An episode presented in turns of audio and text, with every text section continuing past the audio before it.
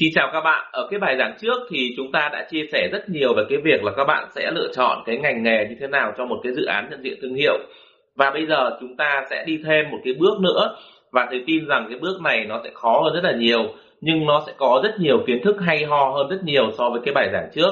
Đấy là chúng ta sẽ làm thế nào để cho bản thân các bạn có thể đặt tên thương hiệu làm sao cho nó hay, nó hiệu quả và đúng chuẩn nhất ở cái phần này thì ờ, chúng ta sẽ lưu ý là nó sẽ có rất nhiều các cái bài viết, rồi thì các cái video chia sẻ của rất nhiều các cái anh chị ở trên ờ, internet. Thì bản thân các bạn, theo thầy là chúng ta nên tham khảo tất cả các cái bài viết, các cái nội dung như thế. Tại vì là cũng giống như thầy thôi, để có được những cái kiến thức mà sắp chia sẻ với các bạn ở đây thì thầy cũng đã đọc rất nhiều và thầy đã cố gắng tổng hợp. Nên một cái cách làm làm sao nó phù hợp nhất với cái kinh nghiệm của bản thân và với những cái gì mà thường xuyên gặp trong cái quá trình mà thầy làm về branding. Thế thì vì sao chúng ta sẽ phải học cái bài này? Thì các bạn sẽ lưu ý có hai cái. Thứ nhất là chúng ta sẽ phải biết cái cách để chúng ta sẽ đặt một cái tên thực sự hay cho cái dự án của mình.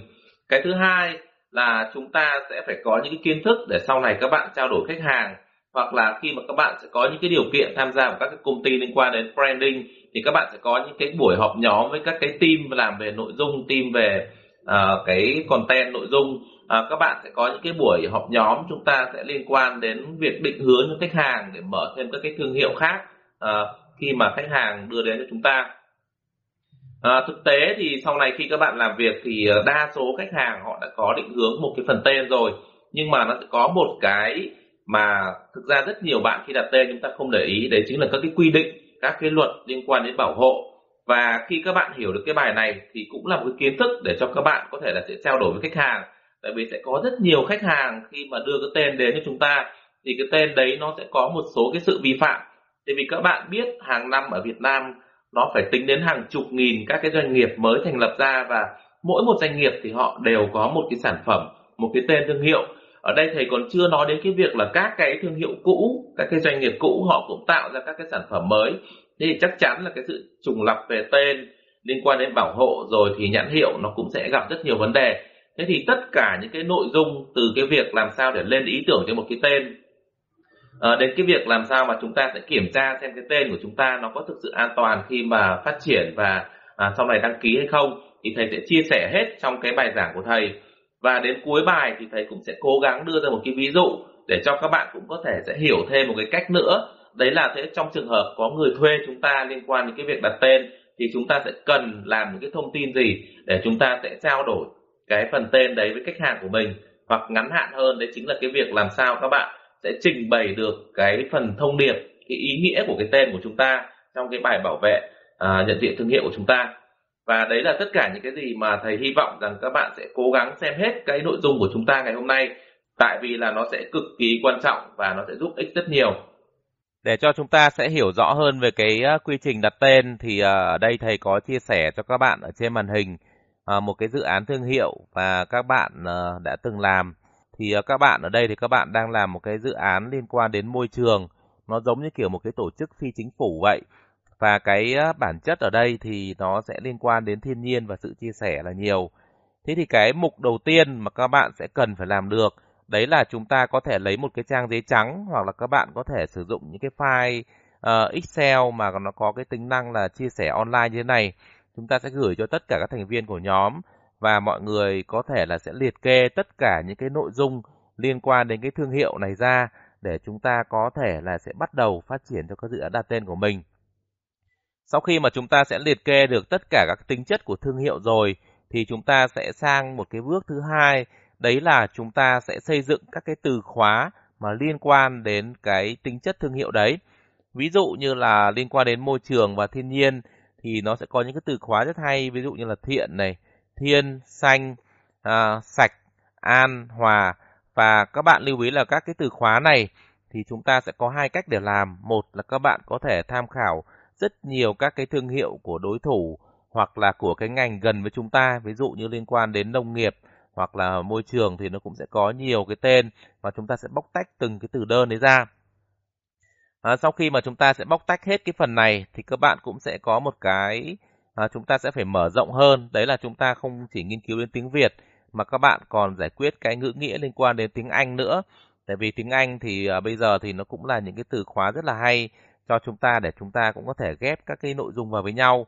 Xa hơn thì uh, những cái từ mà nó có thể phiên âm, ví dụ như tiếng Hàn nó cũng có thể phiên âm ra cái bộ chữ cái tiếng Việt thì các bạn cũng có thể là à, dùng những cái tên kiểu như thế hoặc là tiếng Nhật cũng có phiên âm, tiếng Ý, tiếng Latin đều có phiên âm hết thì chúng ta đi xa hơn thì các bạn có thể hoàn toàn lên mạng chúng ta nghiên cứu những cái nội dung kiểu như thế để chúng ta sẽ áp dụng vào cái phần bài của mình.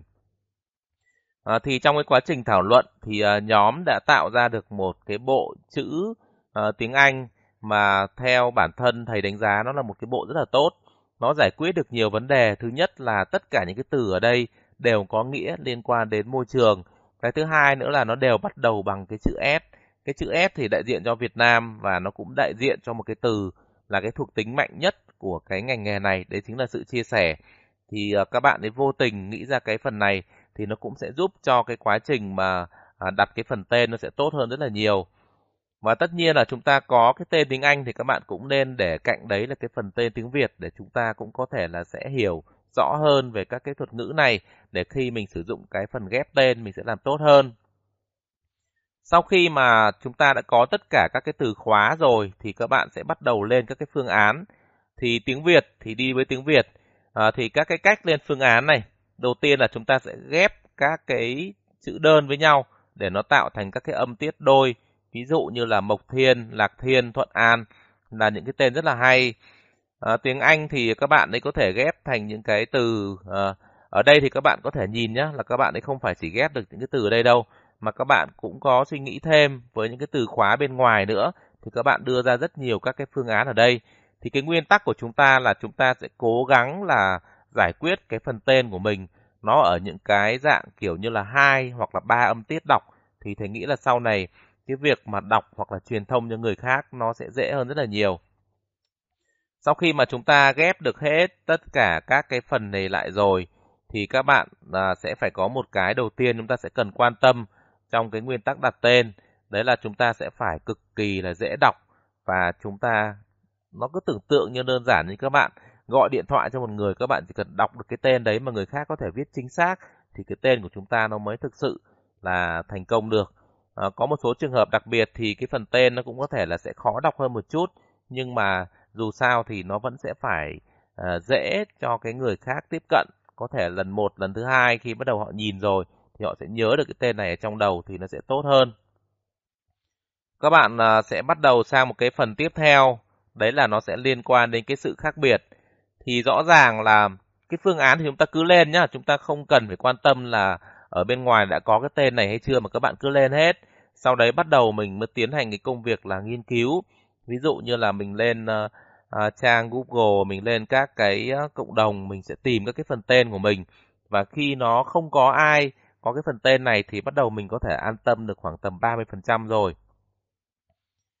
Thì uh, liên quan đến cái phần tên này, tiếp theo nữa chúng ta sẽ phải có một cái bước để tạo được cái sự khác biệt.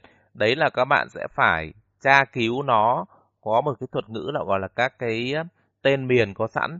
Tên miền ở đây chính là các cái tên miền để sau này chúng ta phát triển thương hiệu. Ví dụ như là .vn, .com, .net các thứ ấy. Thì có rất nhiều trang, nhưng có một trang thầy rất là thích là cái trang mắt bão thì các bạn hoàn toàn có thể lên trên này, các bạn có thể gõ những cái phần tên liệu xem là cái thương hiệu của chúng ta nó đã được đăng ký và sử dụng chưa. Ví dụ như là ở đây thầy sẽ gõ thử một cái từ. Giả sử như đây là cái tên mà các bạn ấy lựa chọn chẳng hạn, thì chúng ta nhìn thấy này, tên miền tiếng Việt chưa có người mua, thì khả năng rất cao tên miền này cũng chưa có ai đăng ký bảo hộ cả. Thì rõ ràng là chúng ta lựa chọn tên miền này thì uh, nó sẽ có khả năng rất là tốt. Thế thì sau khi mà các bạn uh, có được cái phần tên thì chúng ta sẽ liệt kê hết tất cả những cái phần này. Nếu mà ở Việt Nam thì thông thường chúng ta sẽ lựa chọn là .vn, nhưng mà nếu như mà rộng hơn thì các bạn mua được tên miền .com, .net hoặc .info cũng rất là tốt. Đấy là những cái mà chúng ta sẽ cần phải lưu ý cho cái việc là chúng ta sẽ check cái phần tên miền. Cái tiếp theo nữa mà các bạn sẽ cần phải check mà thầy nghĩ là cái việc này thì cũng rất ít bạn quan tâm Đấy là chúng ta sẽ check trên một cái trang nó có tên gọi là Cục Sở hữu trí tuệ. Thì uh, Cục Sở hữu trí tuệ là cái nơi mà sẽ đăng ký bản quyền của tất cả các cái liên quan đến uh, à, bản quyền ở Việt Nam nó không phải chỉ là à, logo đâu mà nó sẽ còn các cái quyền tác giả, các cái tác phẩm, các cái bài hát, rất nhiều thứ ở trên này.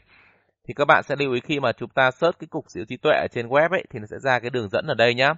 Sau đấy là các bạn sẽ kéo đến cuối của menu, chúng ta sẽ vào cái phần tra cứu và thống kê. Ở đây nó sẽ không có tra cứu logo đâu. Cái tên gọi của Cục Sở hữu trí tuệ, người ta sẽ gọi cái phần thương hiệu của chúng ta là tra cứu nhãn hiệu. Thì các bạn sẽ click vào cái phần tra cứu nhãn hiệu này. À, sau khi mà các bạn vào trong cái phần này rồi thì các bạn sẽ nhìn thấy là nó sẽ ra một loạt các cái thông tin ở trên này nữa. Thực ra thì à, chúng ta có đến 45 cái ngành nghề để có thể là à, sẽ đăng ký, nghĩa là ví dụ như sau này bạn à, đăng ký một cái ngành nghề liên quan đến à, công nghệ thì bạn à, sẽ phải bỏ ra một cái khoản tiền là A chẳng hạn. Còn nếu như bạn muốn đăng ký một cái nhãn hiệu mà có thể à, buôn bán hoặc là sản xuất cho tất cả các loại sản phẩm thì à, các bạn có thể phải bỏ tiền cho đến 45 cái nhãn hiệu khác nhau. Thì à, ở đây Việt Nam mình thì cũng chỉ có một số thương hiệu hàng đầu, ví dụ như là Vingroup họ cũng đã mua tất cả các cái nhãn hiệu đấy rồi. Thì các bạn gần như dùng cái từ Vin thì các bạn không thể làm được một cái phần nào khác cả. Thế thì quay lại cái bài của chúng ta thì à, chúng ta cũng sẽ lại làm một cái công việc à, đơn giản, đấy là chúng ta sẽ dùng cái tên của mình, mình tra cứu sơ bộ trên này và chúng ta sẽ thấy một cái vấn đề là không có bản ghi nào thì chúng ta lại càng thêm chắc chắn là gần như sẽ không có ai mua cái tên này rồi thì các bạn đã có thể yên tâm cho cái việc sáng tạo logo. Sau này các bạn khách hàng cũng vậy, khi mà đưa cái phần tên thì bạn có thể tra cứu ở trên này. Ví dụ như thầy tìm một cái phần ờ, tên nó có thể là sẽ thông dụng hơn. Thì khi các bạn sẽ nhìn này, chúng ta đưa ra một cái tên nó thông dụng thì ờ, cái trang này mặc dù đi nó hơi chậm một chút nhưng mà rồi thì nó cũng sẽ hiện kết quả chúng ta thôi đấy là chúng ta sẽ nhìn thấy là có rất nhiều các cái tên liên quan đến cái thương hiệu bi này nó đã được à, đăng ký bản quyền rồi. Thế thì các bạn cũng sẽ cần phải à, tra cứu kỹ hơn những cái từ để chúng ta có thể biết xem là cái thương hiệu của chúng ta nó đã được đăng ký hay chưa. Đây là những cái kiến thức cơ bản thôi. Còn à, tất nhiên bạn nào muốn à, tìm hiểu kỹ hơn về cái việc à, tra cứu ở trên này thì nó là còn liên quan đến cái việc tra cứu hình ảnh rồi thì à, tra cứu các cái ngành nghề sản phẩm sau khi mà chúng ta làm được hai cái phần này rồi, thì các bạn sẽ thấy rằng là mình đã phải đạt được một số cái tiêu chí. Thứ nhất là ghép từ cho nó dễ đọc này. Cái thứ hai nữa là chúng ta sẽ phải có tên miền rồi thì có sở hữu trí tuệ. Còn cái ghép từ thì các bạn sẽ lưu ý nó lại chia ra một số cái kỹ thuật như sau. Thứ nhất là khi mà chúng ta ghép, thế thì cái phần tên của chúng ta đôi khi nó là một cái từ đôi ghép với nhau, hoặc đôi khi nó lại là âm tiết. Thì cái này chúng ta đọc trên mạng nhiều chúng ta sẽ thấy là một cái lời khuyên của người ta là thường chúng ta sẽ cố gắng là đặt những cái tên ví dụ như là nó sẽ có vần A, vần O, vần Y hoặc là vần E để giúp cho chúng ta có thể dễ phát âm hơn khi đọc. Ví dụ như là uh, Shopee này, Lazada, Tiki là những cái thương hiệu rất là lớn và khi các bạn đọc thì gần như là chúng ta có thể là dễ dàng nhận diện được cái thương hiệu đấy luôn. Ở đây thì uh, trong cái bài này thì các bạn cũng có áp dụng một cái phần thì thầy có thể sẽ giới thiệu luôn logo tên thương hiệu chính là Cityfy còn thì slogan thì các bạn sẽ chọn một cái câu là just like more. Và rất là hay là các bạn này sẽ phát triển thêm một cái gọi là mascot nhận diện thương nhân vật nhận diện thì các bạn sẽ kết hợp luôn ba cái từ của cái từ just like more trở thành Julimo để nó thành một cái tên cho cái nhân vật này. Đó thế thì uh, sau này các bạn cũng có thể sử dụng các cái cách ghép âm như thế này để chúng ta có thể tạo thành một cái tên thương hiệu uh, cho nó có thể dễ dàng tạo các sự khác biệt thì chúng ta mới đăng ký thì ờ, chúng ta mới có thể tiến xa hơn được. Ở đây thì ờ, chúng ta cũng ờ, có thể nhìn thấy là trong cái quá trình nghiên cứu thì các bạn cũng cố gắng đưa ra thêm rất nhiều các cái thuật ngữ tiếng Anh rồi thì các cái yếu tố liên quan đến môi trường và bây giờ chúng ta cũng có thể là cùng xem thêm cái kết quả của các bạn đấy để các bạn sẽ nhìn thấy uh, các cái bộ sản phẩm nó sẽ được hiệu quả hơn. Đây là phần logo này, các bạn sẽ kết hợp các cái yếu tố từ đất, nước, lửa và không khí để ra được cái logo này. Và đây là cái con mascot, cái con uh, linh vật của các bạn ấy liên quan đến chủ đề môi trường. Và đây cũng là một trong những cái dự án được đánh giá rất là cao uh, trong cái kỳ bảo vệ của chúng ta. Thì hy vọng sau này các bạn cũng sẽ xây dựng được những cái dự án mà nó có nghiêm túc về cái phần nghiên cứu ngay từ cái phần tên thương hiệu để chúng ta có thể đi xa hơn uh, như thế này nữa. Tất nhiên là cái quá trình mà chúng ta ghép âm hoặc ghép từ thì nó cũng sẽ có những cái khó thì ở đây thầy sẽ có lưu ý thêm cho chúng ta có một cái trang rất là hay nó có tên gọi là namelist.com cái trang này thì khi mà các bạn vào cái phần trang chủ ấy, thì các bạn sẽ có một cái khái niệm đấy là chúng ta sẽ lựa chọn là 3 đến 6 ký tự hoặc là từ 6 đến 12. Thế thì cái logo mà thường đẹp nhất là từ 3 đến 6 đúng không? Thì thầy sẽ chọn ở đây. Sau đấy là chúng ta sẽ nhìn thấy là nó sẽ tự nhiên ra cho chúng ta rất nhiều các cái phần tên ở đây để à, các bạn có thể là sẽ xem và nghiên cứu vào cái cách ghép âm. Tại vì bây giờ thường các cái tên thương hiệu đặt tiếng Anh cũng rất là nhiều. Thì cái trang này nó có cái gì hay? Thứ nhất là nó sẽ không có quảng cáo. Cái thứ hai là không chỉ tư duy về tên không mà nó còn giúp cho chúng ta có cái tư duy về mặt lựa chọn phông chữ và cái cách triển khai đồ họa, màu sắc các thứ cực kỳ ổn. Thì đi với trang này khi mà các bạn đọc thì các bạn sẽ học cái gì? Các bạn giả sử cái từ này các bạn sẽ thấy là nó có hai âm tiết. À cái từ này nó lại có ba âm tiết. Cái từ này thì nó có hai âm nhưng mà một âm là một cái chữ cái đơn và một âm thì lại là các cái từ dài hơn. Thế thì mình cũng có thể tư duy cách đấy vào trong cái phần đặt tên của mình.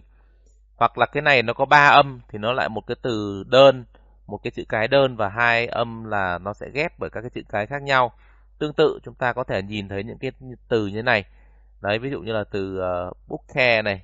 Cái từ này chắc là nó sẽ kết hợp của cái từ book thêm cái từ e nữa. Hoặc là cái cách đọc của nó có thể sẽ khác đi. Ví dụ như là bouquet cũng là những cái cách đọc rất là hay.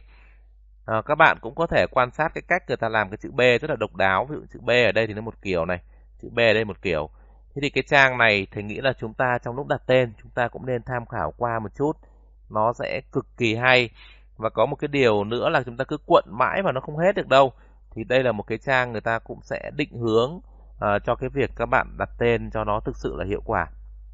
Thì các bạn cũng nên tham khảo ở trên này. Và sau khi mà các bạn uh, có thể bóc tách được một vài cái tên uh, thì chúng ta lại cũng lại phải làm một cái công việc nhá. Là đấy là chúng ta sẽ tra cứu ở trên Google này. Thì thầy không làm cái việc đấy nữa. Chúng ta sẽ phải tra cứu về cái việc tên miền. Uh, rồi thì các bạn sẽ phải tra cứu Thầy nói ví dụ như chúng ta sẽ có thể lấy cái từ valide này đi.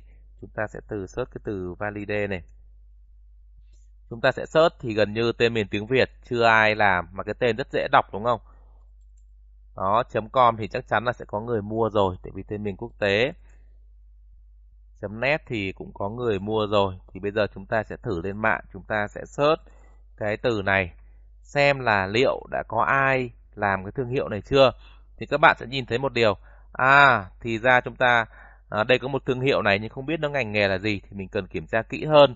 Đây cũng có một cái nữa, nhưng về cơ bản thì các cái ngành nghề này nó có thể là sẽ khác cái ngành nghề mà chúng ta lựa chọn chẳng hạn thì các bạn cũng hoàn toàn có thể lựa chọn cái thương hiệu này để làm cho cái dự án của mình. Còn xa hơn nữa là các bạn cũng có thể định hướng cho khách hàng để cho có thể là sẽ đăng ký được cái phần tên thương hiệu của chúng ta. Và để cho các bạn có thể là sẽ hiểu rõ hơn về cái quy trình đặt tên này thì bây giờ thầy sẽ có một cái ví dụ mà thầy đã từng làm cho một cái khách hàng để cho các bạn có thể thấy là sau khi mà chúng ta đặt tên xong thì chúng ta sẽ phải thêm được những cái tiêu chí ra sao. Cái đầu tiên mà chúng ta đã thống nhất với nhau ở phần trước ấy, đấy là các bạn sẽ dùng những cái cách liệt kê từ ngữ, rồi thì rất nhiều cách ghép âm, ghép vần, uh, check kể cả tên miền các thứ thì chúng ta sẽ ra được một loạt cái phần tên như thế này thì nó cũng giống như kiểu thiết kế thôi thì mình sẽ ra rất nhiều các cái mẫu thiết kế đúng không sau khi mà chúng ta ra được các cái phần tên này chúng ta để nó nằm hết với nhau thì bắt đầu chúng ta lại làm thêm một cái bước nữa. Đấy là chúng ta sẽ phải có một cái quy trình 8 bước để chúng ta sẽ kiểm tra cái phần tên này của mình xem là nó đã thực sự đúng và hiệu quả chưa. Thì các cái bước đấy như sau. Thứ nhất là chúng ta sẽ phải dễ đọc và dễ truyền thông. Thì ở đây chúng ta sẽ lựa chọn ra một số cái từ, ví dụ từ Resi nó dễ đọc này, từ Bora cũng dễ đọc, từ Gentino hoặc là Canova, rất là cả những cái từ này rất là dễ đọc. Cái thứ hai là nó sẽ có sự khác biệt, thì cái sự khác biệt thì thực ra là chúng ta đã làm ở cái quá trình nghiên cứu rồi, thì nó đã gần như là có tên miền hoặc đăng ký được, thì nó sẽ có sự khác biệt rồi nhá. Cái thứ ba là chúng ta sẽ phải có nghĩa, thế thì tí nữa thầy sẽ nói cho các bạn những cái từ này nó sẽ có nghĩa như thế nào. Chúng ta sẽ phải có những cái thông điệp liên quan đến truyền thông. À, chúng ta sẽ có tính bản quyền rồi. Các bạn lưu ý là còn tên miền và tất nhiên nó sẽ phải phù hợp với ngành nữa ngành thời trang thì nó cũng sẽ có những cái âm tiết những cái cách đọc khác nhau thì các bạn cũng phải tham khảo nhiều cái liên quan đến thời trang để các bạn xem cái cách đọc cái tên thương hiệu họ thường làm như thế nào và chúng ta sẽ áp dụng vào trong cái phần bài của mình. Và có một cái nữa mà rất nhiều bạn có thể là uh, sẽ bỏ qua, đấy là chúng ta sẽ phải có cái tính đồ họa. Thực ra cái này nó sẽ hơi khó so với các bạn.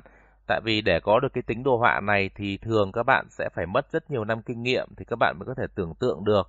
Còn à, thì à, những cái người mà có kinh nghiệm ấy khi đặt cái tên xong là gần như trong đầu họ đã nhảy số được rất nhiều các cái mẫu thiết kế rồi.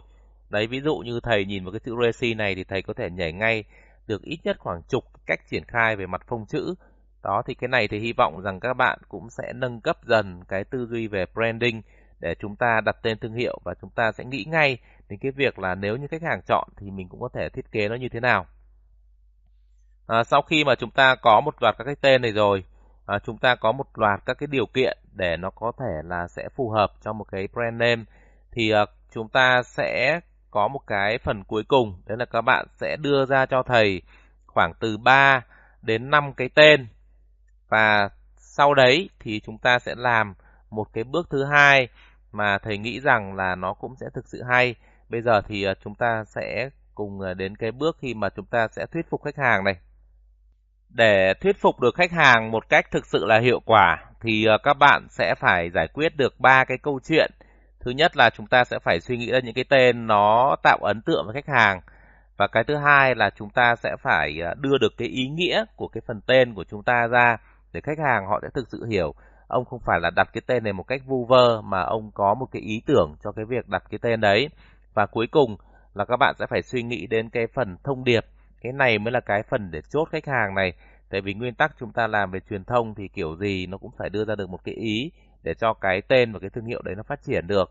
À, thì ở đây các bạn sẽ nhìn thấy với cái tên đầu tiên là cái tên Racy mà thầy lựa chọn cho khách hàng thì uh, cái từ Racy này là viết tắt của cái chữ resilient nó có nghĩa là kiên cường, một cái đặc tính rất đẹp của người phụ nữ, đúng không ạ? Thế thì à, chúng ta sẽ lưu ý là cái thông điệp ở đây là gì ạ? Khẳng định giá trị.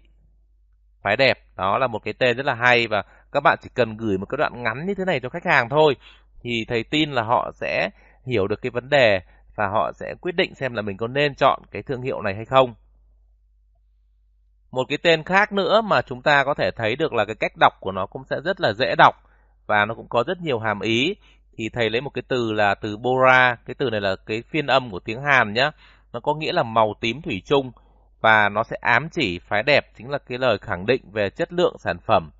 Nó có cái sự khác biệt về cái thương hiệu Tất nhiên là nói đến cái màu tím thì chúng ta sẽ bàn đến cái sự thủy chung và trường tồn. Thì cái thông điệp ở đây mang đến đấy chính là cái giá trị của sự trường tồn. Cái thứ ba mà chúng ta có thể đưa đến cho khách hàng một cái từ khóa nó có tên là Gentino. Với cái từ khóa Gentino này thì à, nó là một cái từ ghép. À, từ từ ghép này thì à, chúng ta sẽ nhìn thấy được là thầy sẽ ghép nó bởi hai cái từ. Đầu tiên là từ gen là viết một cái cách lái đi thôi của cái từ ren là một trong những cái vật liệu rất hay dùng trong cái việc thiết kế thời trang và nó thể hiện cái sự nữ tính và tinh tế. Cái từ Tino là một cái từ trong tiếng Ý, nó ám chỉ về thời trang, Tino còn à, ám chỉ về cái sự mạnh mẽ và kiên cường. Thì khi ghép cái từ này chúng ta đọc chúng ta sẽ thấy cảm giác nó mang cái hơi hướng của thời trang, nó hơi hiện đại một chút. Cái thông điệp ở đây của chúng ta chính là mang cái kinh đô thời trang đến với phụ nữ Việt. Tiếp theo một cái tên nữa chúng ta có thể à, nhìn thấy là cái tên có tên gọi là Canova thì à, là cái từ ghép của cái từ uh, capable. Tiếp theo nữa là chúng ta có thể nhìn thấy một cái tên là Canova là cái từ ghép của từ capable và cái từ nova. Nó sẽ có một cái nghĩa đấy là đảm đang và tiểu thuyết. Thì tất nhiên là phụ nữ thì phải đảm đang rồi và tất nhiên là câu chuyện của phụ nữ thì sẽ được viết lên và cái thông điệp ở đây chính là hành trình mà khẳng định cái giá trị của phái đẹp. Nó tất cả những cái thứ mà à, chúng ta đưa ra cho khách hàng thì nó đều phải có ý nghĩa và nó đều phải đẹp hết. Thì các bạn sẽ lưu ý là mình sẽ phải làm như thế. Và cuối cùng là cái phương án mà thầy đưa ra cho khách hàng có tên gọi là Elito. Và cái tên Edito này được viết tắt bởi cái từ Edite và cộng uh, thêm một chút cho cái phần chữ O. Thực ra thì cái cái vì sao lại có cái phương án này? Đấy là chúng ta biết những cái từ âm đọc đúng không? Từ E chúng ta có thể thay bằng chữ O hoặc chữ A hoặc chữ Y chẳng hạn. Đấy thì ở đây thầy uh, uh, có cái ý đồ cho cái này ví dụ như là cái chữ elite nó có nghĩa là sự ưu tú còn tất nhiên là khi ưu tú thì đồng nghĩa việc là tròn vẹn rồi mà trọn vẹn thì không thể có cái gì đẹp hơn, đấy là hình tượng của chữ O và hình tròn. Thế thì vì sao chúng ta sẽ ra được cái phần tên này? Và cái thông điệp ở đây là sản phẩm hoàn thiện và tối ưu nhất. Đấy, thế thì các bạn sẽ thấy là nó có 5 cái tên thôi. Ý nghĩa chỉ viết có hai ba dòng, nhưng mà đọc vào ai cũng hiểu. Và nói đến cái thông điệp thì ai cũng có phải trầm trồ. Thực ra thì ờ, cái thương hiệu đặt tên này thì ờ, thầy có một cái tên khác mà khách sẽ chọn cơ. Nhưng mà chúng ta sẽ không chia sẻ ở đây, tại vì sau khi mà nó qua được cái bước ý nghĩa và lựa chọn thông điệp thì ờ, chúng ta sẽ phải làm thêm một cái bước là viết một cái câu chuyện. Và chúng ta sẽ phải viết khoảng từ 3 đến 4 trang giấy nữa. Thì cái này sau này các bạn cũng sẽ không phải làm đâu. Nó sẽ rơi vào các cái bạn chuyên về làm content. Thì ờ, nếu như mà sau này có điều kiện được phép chia sẻ cái câu chuyện đấy thì thầy sẽ chia sẻ với các bạn sau. À, vừa rồi thì thầy đã chia sẻ cho các bạn chi tiết rất nhiều các cái kiến thức liên quan đến việc đặt tên thương hiệu. Các cái kiến thức này thì uh, thầy nghĩ là nó sẽ còn update rất nhiều qua cái thời gian nữa khi mà các cái điều luật được thay đổi hoặc là cái môi trường công việc. Nó cũng sẽ cho các bạn thêm rất nhiều các cái cách để cho các bạn có thể làm quen hơn với cái mảng branding. À, thì hy vọng rằng các cái kiến thức này thì các bạn sẽ nốt lại và các bạn sẽ thường xuyên thực hành và suy nghĩ về nó để làm sao cho tất cả những cái dự án của chúng ta liên quan đến branding nó thực sự có chiều sâu. Câu chuyện ở đây như thầy nói một người thiết kế bây giờ các bạn không chỉ giỏi về thiết kế mà các bạn còn phải có tư duy về truyền thông về nội dung. Thì lúc đấy chúng ta mới thực sự là yêu nghề và các bạn có thêm nhiều cái để cho cái cuộc sống của chúng ta nó sẽ thực sự tốt hơn. À, tất cả những cái góp ý thì thầy hy vọng là các bạn cũng có thể sẽ comment ở phía dưới. Hoặc là bản thân nếu như chúng ta thấy cái video này hay thì ngại gì một like được không ạ? Chúng ta cũng có thể là sẽ chia sẻ để cho nhiều người biết hơn và hy vọng rằng là cũng có thêm nhiều cái quan điểm để chúng ta sẽ hoàn thiện hơn trong cái kỹ năng mà thầy sẽ trao đổi với chúng ta ngày hôm nay. Còn thêm một cái phần nữa, đấy là từ cái buổi ngày hôm sau thì chúng ta sẽ bắt đầu quay sang cái việc là tập trung nhiều hơn về thiết kế. Thầy sẽ cố gắng bóc tách rất nhiều các cái phương án, các cái phong cách thiết kế và giúp cho các bạn sẽ triển khai từ cái phần tên của mình làm sao cho nó thực sự và hiệu quả. Thì thầy hy vọng là các bạn sẽ có một cái tên thực sự hay ở cái bài này để chúng ta có thể làm tốt hơn ở những cái bài sau. À, xin chào và hẹn gặp lại các bạn ở những cái video tiếp theo.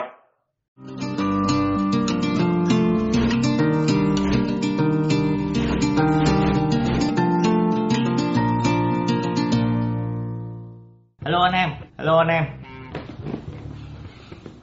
Tóc mới nhìn được anh em. Hơi chẩu ha anh em cũng kêu ờ, uh, tóc này nhìn xấu quá thôi kệ đi.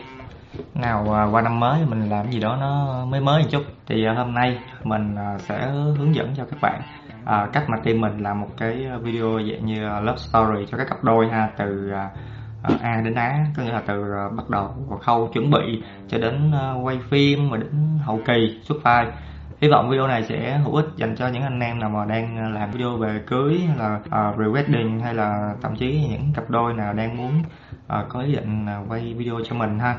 Trước khi bắt đầu video thì mình xin phép uh, 30 giây dành cho quảng cáo. Thì um, hiện tại mình có một cái lớp về khóa học về làm phim ha. Các bạn lên facebook search khóa học online làm phim cục nam trịnh đây khóa học của mình đã hoạt động được gần một năm rồi ha. Cũng có rất là nhiều bạn đăng ký tham gia. Và mình cũng có tổ chức những giải thưởng hàng tháng và cũng uh, coi như là để khích lệ tinh thần của các bạn thì mình có làm giải thưởng video cả năm luôn. Thì cái khóa học này sẽ uh, giúp cho các bạn có nhu cầu làm video youtube cá nhân nè uh, hay là travel hay là bất cứ chủ đề nào mà các bạn muốn làm video thì các bạn đều có thể tham gia khóa học bên mình. Khóa học bên mình là dành cho những người mới bắt đầu ha. À, từ bước lên ý tưởng đến quay phim đến dựng phim thậm chí là các mẹo để các bạn uh, sale trên youtube nữa. Thì à, uh, đường link khóa học mình để dưới phần mô tả ha. Rồi bây giờ vào nội dung chính của video thôi. À, trước khi mà các bạn muốn làm một cái video nào đó thì các bạn cần một cái kịch bản hoặc là cái nội dung nào đó. Thì ở đây là mình sẽ nói chuyện với à, nhân vật của mình à, mình sẽ gửi cho bạn họ những cái câu hỏi để mình khai thác thêm à, những cái câu chuyện của họ xảy ra à, từ bắt đầu từ khi nào rồi họ quen nhau ra làm sao có gì khó khăn có cái cái gì rào cản gì không rồi và dự định tiếp theo của họ trong tương lai là như thế nào. Đây là cũng giai đoạn rất là tốt các bạn hiểu hơn về câu chuyện của nhân vật và mình cảm thấy đồng cảm hơn với họ. Và mình sẽ có những cái chuẩn bị về mặt hình ảnh như thế nào đó để ứng với những cái nội dung mà họ đã trả lời cho mình và sau khi đã có phần nội dung rồi thì bắt đầu mình mới tìm bối cảnh ha. Thì cái việc tìm bối cảnh này là diễn ra trước đó ha. Thì mình có làm video về tìm bối cảnh ở trên uh, video này là các bạn nhấn vào đây xem. Thì các cặp đôi sẽ gửi cho mình một số cái hình ảnh về những cái bộ trang phục mà họ dự định sẽ mặc thì mình với các cặp đôi sẽ trao đổi để tìm ra những cái uh, bộ quần áo nào đó nó phù hợp với bối cảnh và cái nội dung của câu chuyện à, tiếp theo là về những trang thiết bị mình dùng để quay phim. Thì uh, với máy quay thì mình sử dụng uh, Sony A73 là lens uh, Sigma 24 f 1.4 và một uh, lens zoom. À, có cái tiêu giải tiêu cự là từ 28 đến 75 và khẩu độ là f2.8 à, gimbal thì mình sử dụng uh, gimbal là Ronin S2 Flycam cái hát sáng ha. Rồi mình sẽ nói kỹ hơn về những thiết bị mình đang dùng ha thì với ờ, cái body là Sony A73 thì đây là con máy full frame huyền thoại của Sony rồi ha. Hầu như là nó nổi tiếng khắp mọi mặt trận luôn. À, có thể quay được 4K à, 24 frame và Full HD ở 120 frame luôn. Rồi, rồi lấy nét nó cả mọi thứ là nó đều ok hết. Mà nó quay được S-Log 3 nữa ha. À, nên là những cái chức năng của nó thì anh em cũng có thể search rất là nhiều. Và bản thân à, mình và Tuấn cũng có làm một cái video nói về cái review con Sony A73 này rồi với lens Sigma 24 f1.4 thì ưu điểm của con lens fit này là cho chất lượng hình ảnh rất là tốt. Kèm theo đó là cái ờ, tiêu cự 24 thì nó cho mình được cái vùng nhìn nó rộng hơn. Đặc biệt là khi anh em muốn quay những cảnh toàn rất là epic này nọ thì con lens này rất là hợp. Mà anh em sử dụng khẩu 1.4 ha, thì ờ, nó sẽ giúp cho anh em quay ở môi trường thiếu sáng rất là tốt. Khi mà anh em sử dụng ờ, tiêu cự 24 này dành cho những cái cảnh cận thì nó tạo ra một cái vùng ở độ sâu trường ảnh vùng đó nó khá là biến ảo ha. Khi mà sử dụng tiêu cự 24 này cho những cái cảnh cảnh chung hay đặc biệt là cảnh cận á, thì nó cho mình được cái vùng nhìn nó nó rất là thúc của mình đặc biệt là những nhân vật nào mà đặt ở trung tâm hay là những cái chủ thể đặt ở trung tâm mình rất là thích cái cái phối cảnh của nó đặc biệt là khi mình quay cái hậu cảnh phía sau nó có rác nhiều thì cái khẩu 1.4 nó cũng giúp mình ờ, loại bỏ những cái cái khuyết điểm trong cái khung hình của mình. Ngoài ra thì khi mà cái bạn mở khẩu lớn thì nó cũng sẽ tạo ra những cái bokeh ờ, rất là đẹp ha. Với lens Tamron 28 75 khẩu 2.8 thì ờ, với cái giải tiêu cự linh hoạt như vậy thì mình có thể uh, rất là cơ động khi mà quay phim ha. Rồi ngoài ra mà mình thích sử dụng những cái tiêu cự đó dành cho những cảnh cận hoặc là cảnh đặc tả để mình loại bỏ những cái hậu cảnh không mong muốn ở phía sau để mà cho cái chủ thể hoặc cái nhân vật của mình nó nó, nó nổi hơn. Cái tiêu cự mà nó linh hoạt như vậy thì giúp mình dễ dàng thay đổi và dễ dàng có những cái góc máy. Linh động mà không cần nhất thiết là mình phải à, đi di chuyển tới hoặc là di chuyển ra xa so với cái cái cái cái phạm vi của nhân vật ngoài ra mình thích ở cái lens zoom này nữa là mình có thể đứng từ rất là xa để mình quay những cái cảnh cận hoặc là những cái mình có thể bắt được những cảm xúc. Mà khi mà nếu như mà mình đứng gần đó, thì nhân vật của mình có thể bị sao nhãn hoặc là họ rất là ngại. Và khi nhân vật cảm thấy thoải mái để thể hiện trước ống kính rồi thì lúc đó thì những cái đoạn phim mình quay thì nó sẽ có cảm xúc hơn rất là nhiều. Vậy là với hai lens như vậy thì mình đã có thể uh, làm tốt được cái phần quay phim của mình thì ờ, đối với mình thì ờ, gimbal thì mục đích chính của nó là làm cho cái video của bạn nó không bị rung lắc khi di chuyển ha. Thì ờ, từ đó là có những cái thước phim rất là mượt mà cảnh quay nó cũng đa dạng hơn nó cũng có những cái chuyển động nó sinh động hơn. Thì với mình những cảnh gimbal sử dụng cho những cái cảnh tracking theo nhân vật nè rồi hay những cú máy dài ha, hoặc là đã tăng nhịp độ cho video hoặc là để uh, tạo ra sự chuyển động khi mà nhân vật hoặc là đối tượng trong khung hình của mình nó không di chuyển. Tuy nhiên gimbal cũng không phải là bắt buộc đâu. À, theo lời khuyên của mình thì các bạn ờ, nên tập trung vào những cái khung hình tĩnh trước tư duy về sự chuyển động trong khung hình hơn là chạy theo những cái chuyển động của gimbal này nọ. Nó làm cho bạn sao nhãn trong quá trình quay phim rất là nhiều. Tại vì khi mà bạn cầm cái gimbal rồi thì đương nhiên lúc nào bạn cũng bẻ qua, bẻ lại, bẻ tới, bẻ lui. Nhưng mà nhiều khi cái khung hình của mình nó không đòi hỏi nhất thiết là bạn phải cứ phải mãi tạo chuyển động cho nó như vậy mà nhiều khi các bạn cũng không hiểu được là cái động tác máy đó để làm cái gì. Thì cái động tác máy thì mình có làm video này ha các bạn xem. Để sử dụng gimbal cho nó tốt hơn. Những cảnh quay trên ờ, PlayCam flycam có thể dùng làm cảnh thiết lập đặc biệt là những cảnh ờ, thiên nhiên hoành tráng thì flycam rất là hữu ích. Tuy nhiên thì mình muốn ờ, tập trung cho nhân vật của mình hơn nên mình rất ít sử dụng những cảnh flycam ha.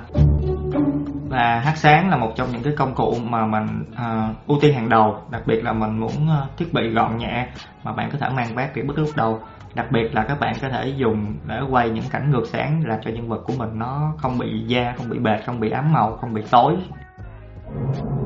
Về setting máy thì ờ, những cái thông số cơ bản nhất mà mình sử dụng đó là ờ, ví dụ như là pixel profile là mình sử dụng Adblock 3 ha để tiện cho việc hậu kỳ.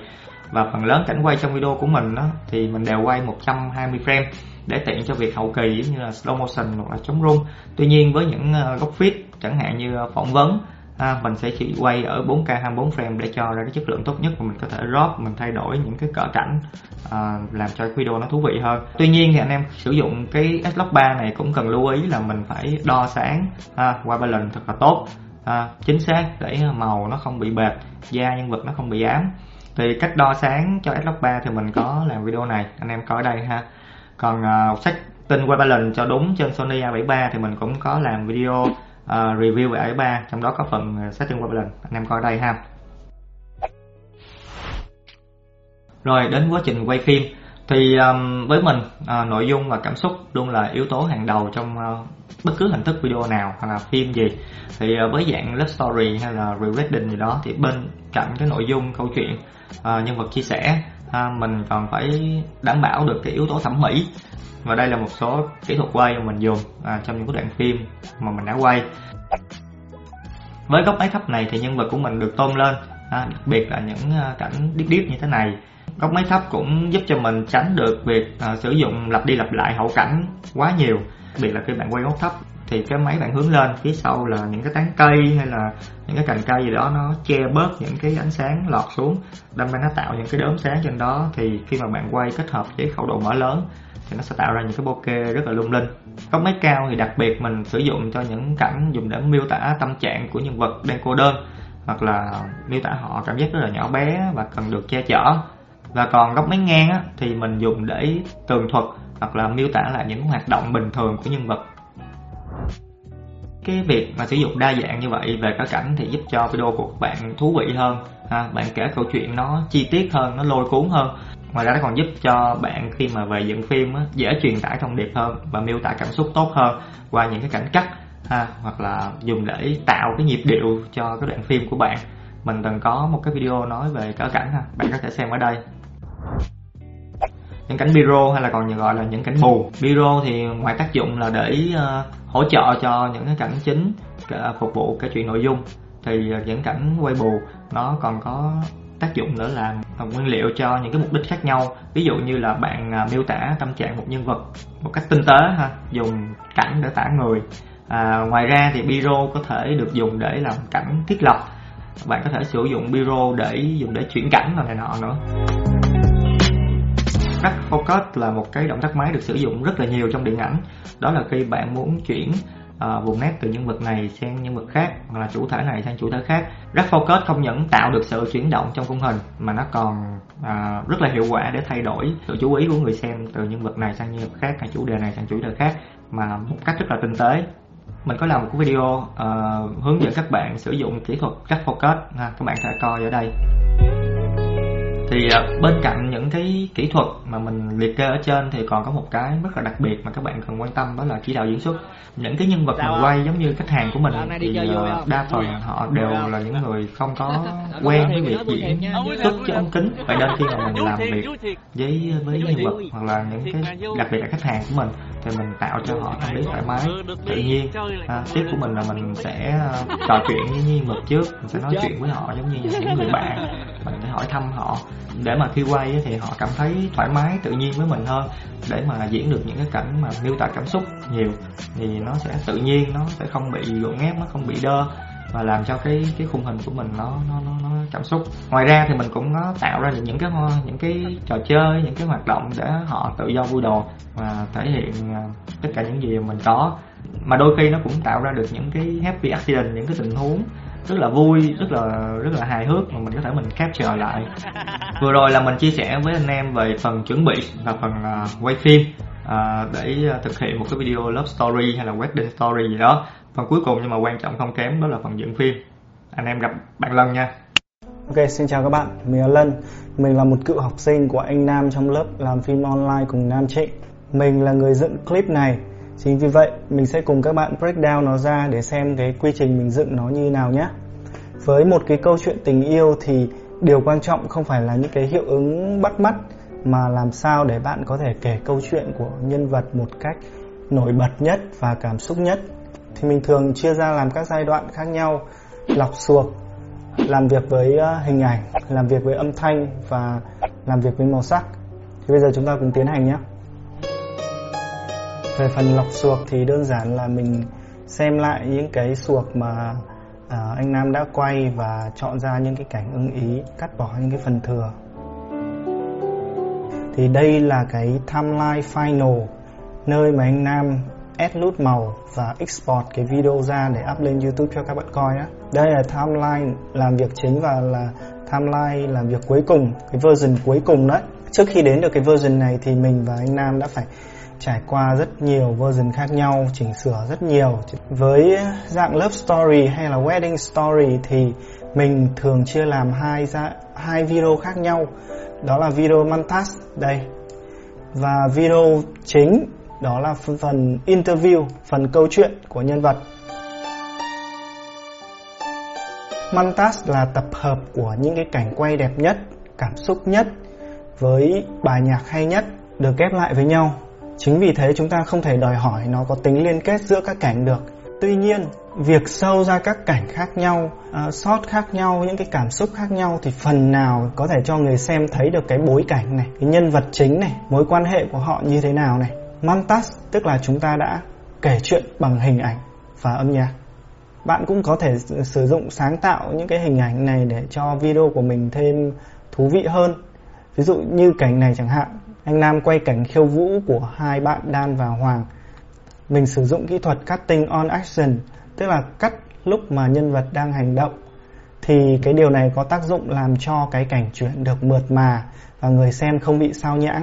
Như các bạn thấy đây nhé quay này chân này xuống này đó rất là mượt mà cái hiệu ứng ánh sáng này uh, cho vào để cho thêm thú vị thôi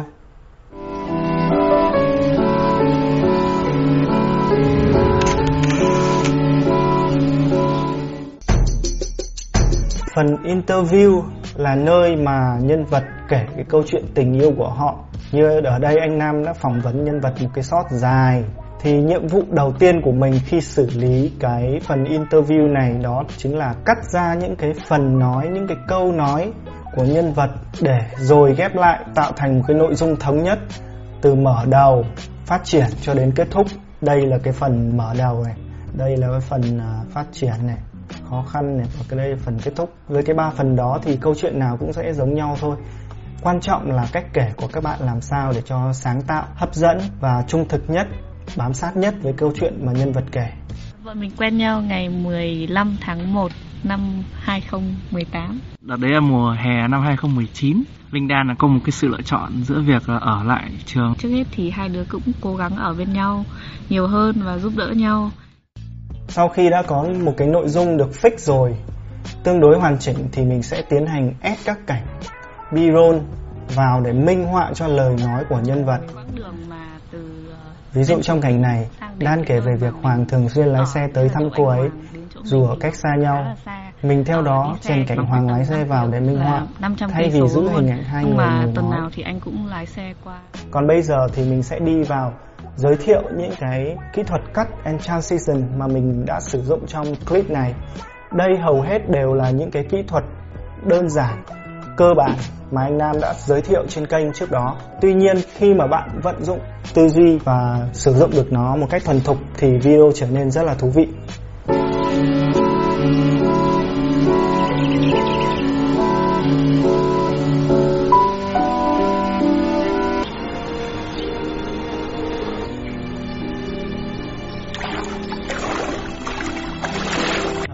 Mình muốn nói thêm một chút về cái phần J-cut này J-cut là một cái kỹ thuật rất hay mà ở đó ta cho người xem xem nghe được thấy trước cái âm thanh của cảnh sau trước khi hình ảnh của cảnh đó tới.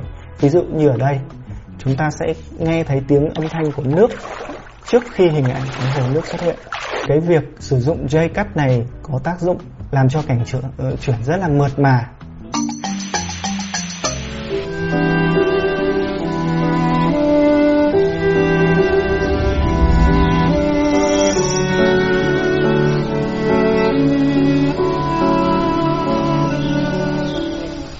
Một phần vô cùng vô cùng quan trọng và quyết định video của bạn có trở nên xịn hơn đó chính là âm thanh. Âm thanh mình sẽ thường chia làm ba loại đó là uh, giọng kể của nhân vật. À, vợ mình quen nhau ngày 15 tháng 1 background music và sound effect. Quá trình làm việc với giọng kể nhân vật thường sẽ gắn liền luôn với cái giai đoạn bạn cắt ghép phần interview rồi vì thế mình sẽ không đề cập thêm. Trong quá trình xây dựng thì phần nào các bạn đã hiểu được cái nội dung cái mood cái câu chuyện của nhân vật rồi thì lúc đó cũng là lúc mà bạn tìm uh, bài nhạc phù hợp cho cái câu chuyện của mình cũng như cho cái phần montage để nói về phần câu chuyện đó là phần interview. Sau khi có nội dung đã được fix thì mình mới uh, tiến hành uh, chọn bài nhạc phù hợp. Ví dụ mình phân tích ở đây nhé câu chuyện của nhân vật này có 3 phần. Đó là phần gặp gỡ nhau này. Hai nhân vật kể về tình yêu của họ, gặp gỡ nhau như thế nào, yêu nhau ra làm sao. Thì mình chọn một bài nhạc nhẹ nhàng, không nhiều kịch tính cho cái đoạn này và nó rất là dính nhau. Đến phần thứ hai, khi mà nhân vật kể về những khó khăn trong tình yêu, những cái xa cách nhau, thì mình chọn một cái bài nhạc nó buồn, nó réo rắt hơn đó. Và phần cuối cùng nhân vật kể về tình yêu về tương lai uh, như thế nào mơ ước thì mình sẽ chọn một cái đoạn nhạc rất là tươi sáng và mang tính gợi mở nhiều hơn. Phần montage thì uh, mình đơn giản chỉ là chọn một bài nhạc phù hợp uh, và sau đó thì edit cái phần nội dung những cái phần chuyển cảnh theo cái nhạc thôi. Thì mình cũng khuyên các bạn nên chọn những cái bài nhạc nó cùng màu cùng chất với cả cái cái phần interview thì nó sẽ có một cái mút chung từ đầu đến cuối trong video này thì mình chỉ đơn giản sử dụng uh, những cái âm thanh môi trường và âm thanh mô phỏng hành động của nhân vật nhưng nó cũng đủ để cho người xem cảm giác được cái sự chân thực và cái sự sinh động của video mình. Firstly, ladies and gentlemen, we would like to tell you